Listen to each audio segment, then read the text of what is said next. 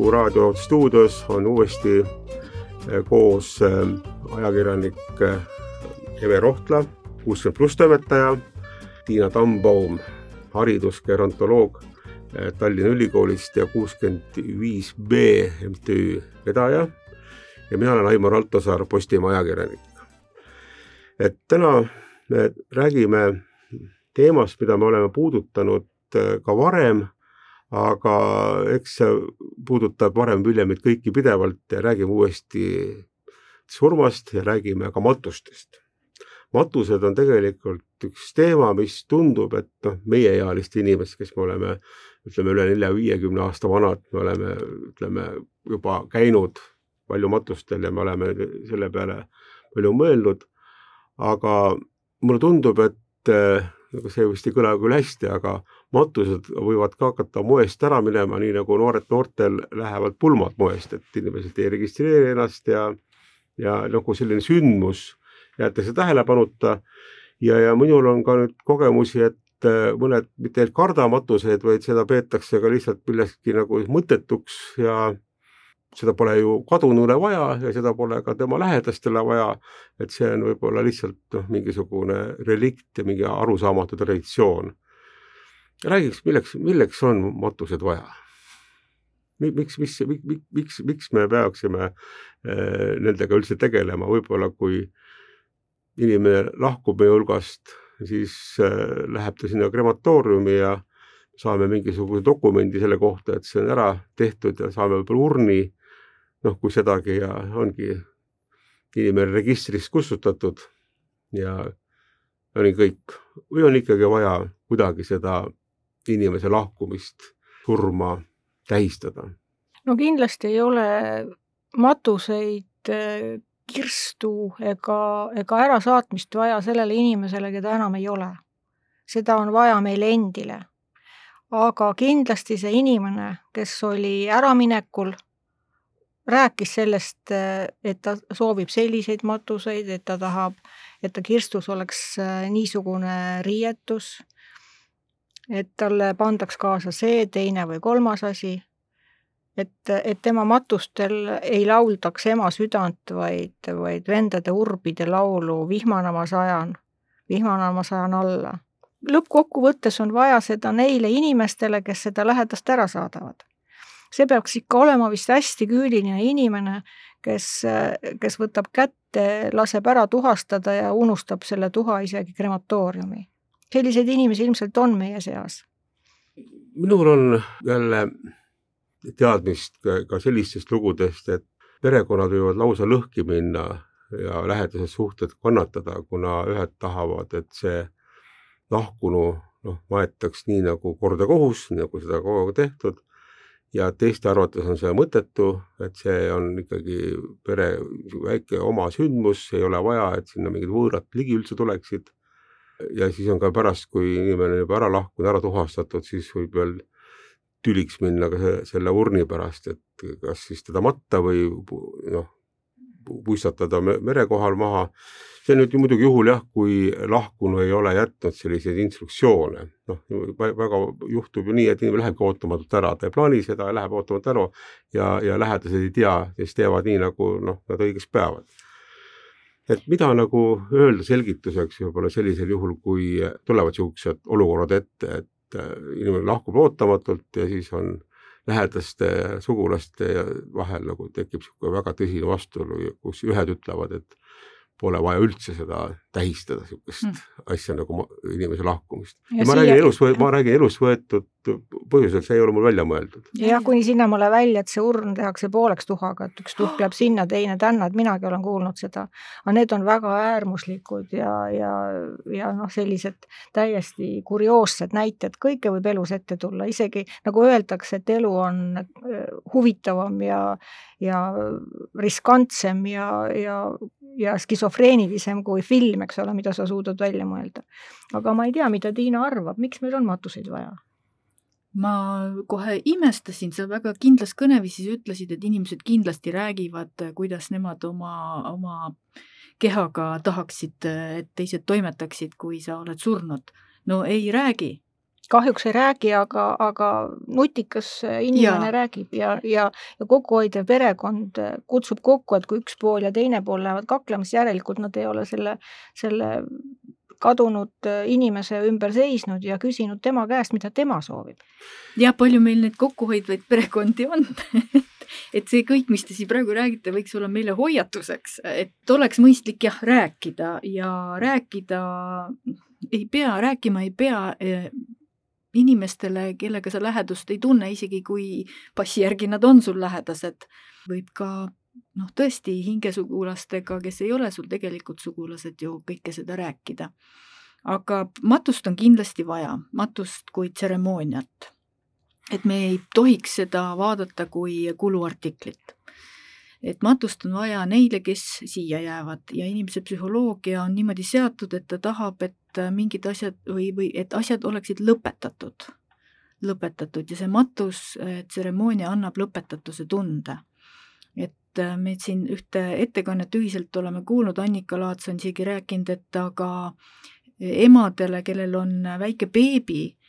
soovitab see beebi ka kaasa võtta, et selle matusele, et et, et selle tseremoonia käigus äh, beebi, isegi beebi tunneb, et ühel hetkel tekib see rahu. et see inimene on nüüd mulda sängitatud äh, ja on selline rahumoment. ja vot seda ongi siiajääjatele vaja. muidu see ei jää, see, see ei ole lõpetatud, lõpetatuse tunne ja ma ise äh, täiesti kinnitan seda, et nii kaua, kuni kuni veel kadunuke on, on siin, siin üleval, on selline ebamäärane tunne ja kui see saab tehtud, siis on rahu. ja seda rahu selle leina protsessi sees leiname me ikka, ükskõik kui vihased või kurjad me üksteisega oleme olnud, ega see lein, kaotus tuleb ikka läbi elada. ja see matusetseremoonia selle aitab. ja matust on vaja kadunukesele teadmisi matustest on vaja kadunukesele siis, kui ta veel elab. Et see annab ikkagi väga palju rahu äh, vanas põlves elades, kui sa tead, et sind lihtsalt ei unustata pärast seda, kui sa lõpetad hingamise. ja, ja see, kuivõrd sa saad seda siis ise juhtida, see annab ikkagi kvaliteeti elule juurde. ja oma elu tuleks siis niimoodi püüda elada ja oma suhteid sättida, et sinu sooviavaldusi ka ellu viidaks, et see on ikkagi õudne, kui pärast siis ei tehta nii, nagu sina oled väljendanud. siin on veel üks, jah, ma olen sellega palju kokku puutunud, et ühed tahavad, et tuhastataks, teised tahavad, et maetaks nagu noh, vanasti ikka pandi siis ju keha auku ja muld peale. ja see on täiesti arusaadav, et inimeste soov ongi selline, aga seal on veel üks variant, et kas see tuhastatud urn läheb siis nii-öelda perekonna matmispaika, kus on siis ka pärast hauakivi või no siin on ka väga minu arust, minu arust päris nagu laienev, leviv selline hoiak, et aga pole seda ka vaja, et eh, puistame selle lihtsalt kõik kuhugi merre laiali ja polegi olnud. et eh, mulle ausalt, ausalt öeldes tundub see ka natuke hirmutav, sest et eh,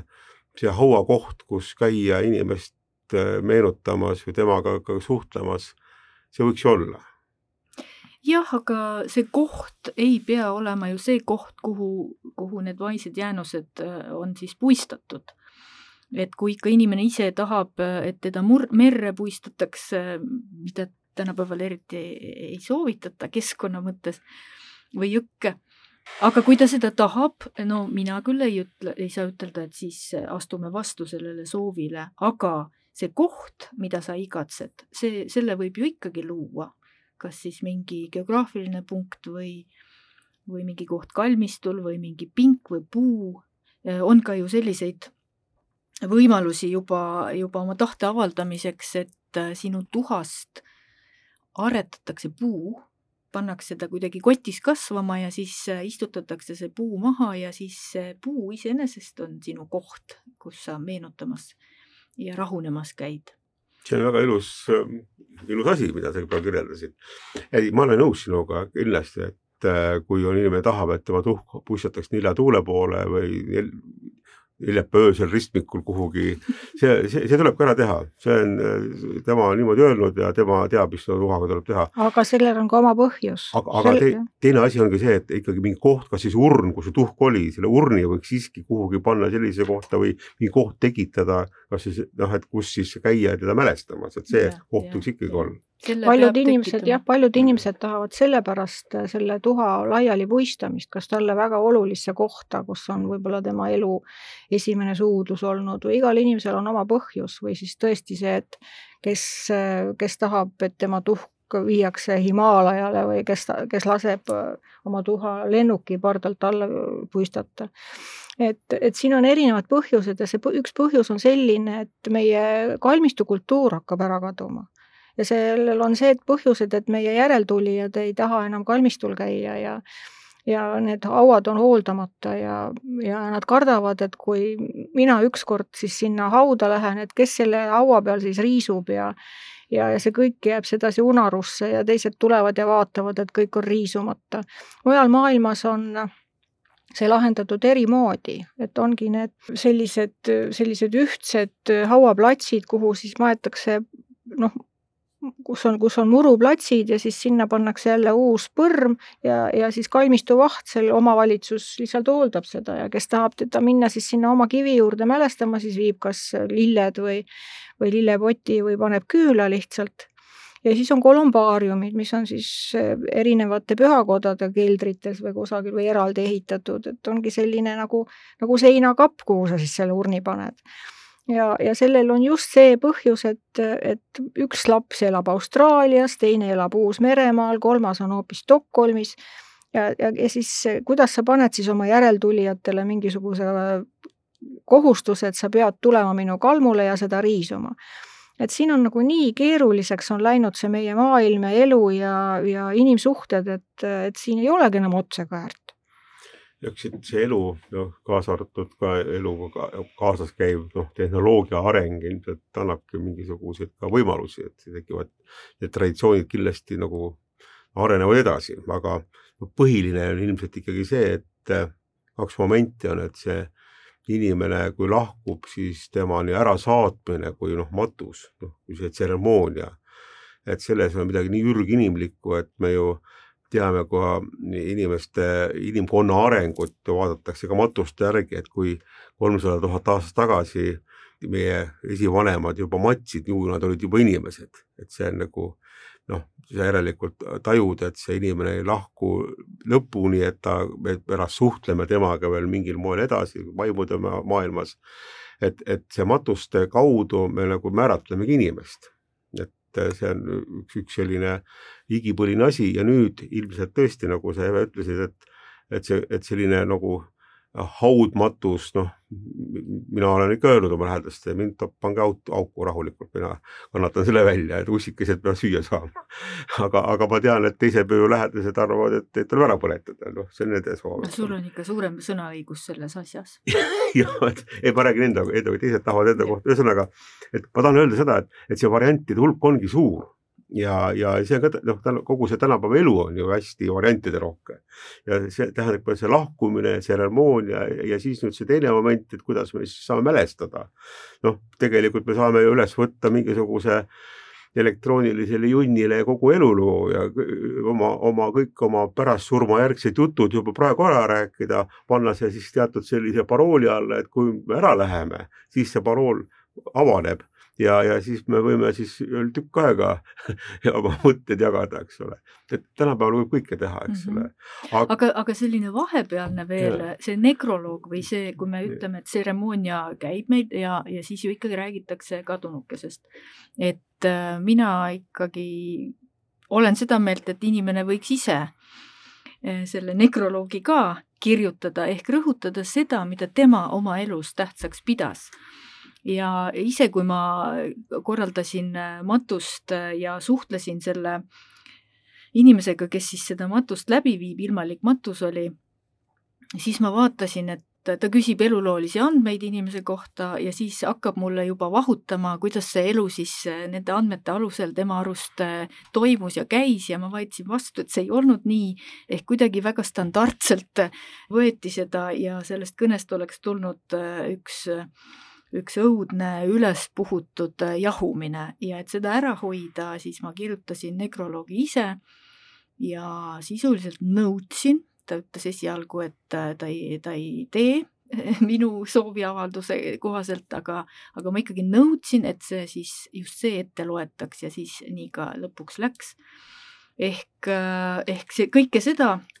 võib ka veel äh, enne oma surma välja mõelda, et mida sa tahad, et sinu elust rõhutatakse, mis oli tähtis, sest see, mis sinu jaoks oli tähtis, ei pruugi üldse niimoodi välja paista teistele. Jah, ja teised saavad ju peielauas oma, oma ja. juttu rääkida, mil, mis meenub just selle lahkunud inimesega, et missugused mälestused tal, tal nagu meenuvad ja, ja, ja millised iseloomujooned ja, ja miks ta seda inimest hindas. No ilmselt jah, oleme sattunud ju oma lähedaste või noh, sõprade ja tuttavatega sugulaste matustele nüüd järjest tihedamini paraku, eks ole, vanuse kasvades ja ja minul on küll üks niisugune üldistus tekib, julgen küll öelda välja selle, et kogu see matustsetseremoonia, noh, eks see on ikka kurb ja pisar tuleb silma ja ega see pole kerge ära saata sealt krematooriumist või ka siis noh, kirstu juurest, et aga siis, kui toimub see peielaud, noh, alguses on näod ju kurvad, noh, loomulikult aga, aga see on peaaegu sada protsenti, kõik lahkuvad sealt suhteliselt niisuguste lõb, noh, lõbusatena, isegi, isegi, see pole alkohol, sest tavaliselt seal palju ei jooda, noh, mõni võtab paar pitsi, aga paljud ei võta üldse, sest kõik see autodega mm.. aga see kuidagi, kui räägitakse seda, noh, lahkunu lugusid, kuidas keegi teda mäletab ja siis minnakse vaidlema ja siis läheb järjest lõbusamaks ja lõbusamaks ja pärast kahe-kolmetunnist peelauda kõigil kuidagi niisugune kergem tunne, et noh, järelikult see on ülimalt vajalik asi olnud, et niisugune asi toimub meil. Jälle ma tean jälle inimesi, kes nagu ei lähe ka mingil juhul peelauda, ei lähe matustele peelauda ja siis nad, aga nad, ma, ma isegi ühega olen rääkinud, kes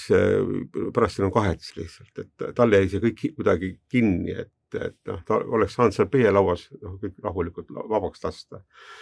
Ja siis on veel üks homme, see pole nüüd küll uue, uuemal ajal, see on juba ilmselt juba sellest ajast, kui eh, magnetofoni lindid juba massitarvimises olid, eh, eriti kui lahkuvad muusikamehed või niisugused laulumehed. Nad on ikkagi oma peie laua laulud ikka ise eh, sisse laulnud ja ma olen ka olnud ühel matusel Võrumaal minu ristiisa, kes oli tuntud laulumees seal ja noh, see oli hästi lõbus, lõbus matus pillimehed kõik ja, ja kuidagi see oli selline, mis mälestab seda inimest väga hästi, väga ilusasti, sest see oli, ta oli ka laulumees ja kõik teda läbi selle laulsid. Ja ma olen kuulnud ka väliseestlased äh, teevad selliseid äh, noh, eelmatuse programme salvestavad ja no jälle individuaalne, ühel, kellele sobib, kellele ei sobi, kui ei ole muusikamees, ei ole sõnamees, noh, mis siis võib olla. noh, kõik me oleme ikkagi mingid mehed ja, ja naised, aga kokkuvõttes siis äh, matus ei ole ju selle sündmuse tähistamine, et nüüd inimene suri ära, tema hingamine mm. lakkas, vaid see on ikkagi elatud elu jah, me tähistame selle inimese elu. täpselt ja, ja see on ikka tore ju, kui see pigem on lõbus. ja, ja just seal matustel koos ja kes seda mälestavad, näitavad tegelikult, kui palju tal nagu rikas tema elu oli, et noh, kui palju tal on sõpru, tuttavad, kui palju on tema kohta mälestusi. et see tegelikult lohutab nagu kõiki, eks ole, aga väga lähedasi. suur suguvõsa tal on ja palju tal järeltulijaid on. ja just oma lähe-, kõige vahetumatele pereliikmetele mm, -hmm. oo, vaat, kes siin kõik tulid, mingid klassikaaslased, koolivennad, ei tea kustkohast need kõik kohale tulid. näed, minu see lähedane, kes ära läks, oli ikka kõva tegija. kõva tegija jah, kuigi sa võib-olla viimased kakskümmend aastat tema juures neid inimesi ümberringi ei näinud, aga, aga elu on pikem olnud ja. ja et, et selles mõttes on see üks väga loogiline osa meie elust ehk kui me ära läheme, siis mingis mõttes elavad teised siis sinu elu seda viimast faasi juba noh, sinu noh, tähistamiseks edasi ja, ja seda ei pea nagu kartma ja aga, aga sellega tuleb tõesti ka nagu varakult tegeleda, et olla valmis selleks. ja teisipidi, kui sa saad teate eh, inimese lahkumise kohta, siis kindlasti mine tema ärasaatmisele. jah, see võiks küll olla ka meie selle väikse taskuhäälingu lõpu, lõpumõtted, et kui teilt mõni lähedane lahkub, te loete seda surmakuulutust, inimest tundsite, oli teile tähtis või noh, mis tahes oluline inimene, käige ära, te võib-olla ei lähe sinna pöielauda, võib-olla käite ainult matustel, kuidas teil ise tunne on, aga käige, saatke ära, sest et palju halvem on tunne, kui sa ikkagi ei lähe sinna ja, ja pärast jääb kripeldama. ai pagan, oleks võinud ikka minna. sa ei anna seda iseendale pärast just, andeks. just, oleme ikkagi inimesed ja koos ikka lõpuni. täna siis rääkisime natukene surma ja matuste juttu, mis on ka osa elust ja mitte ainult vanade inimeste elust.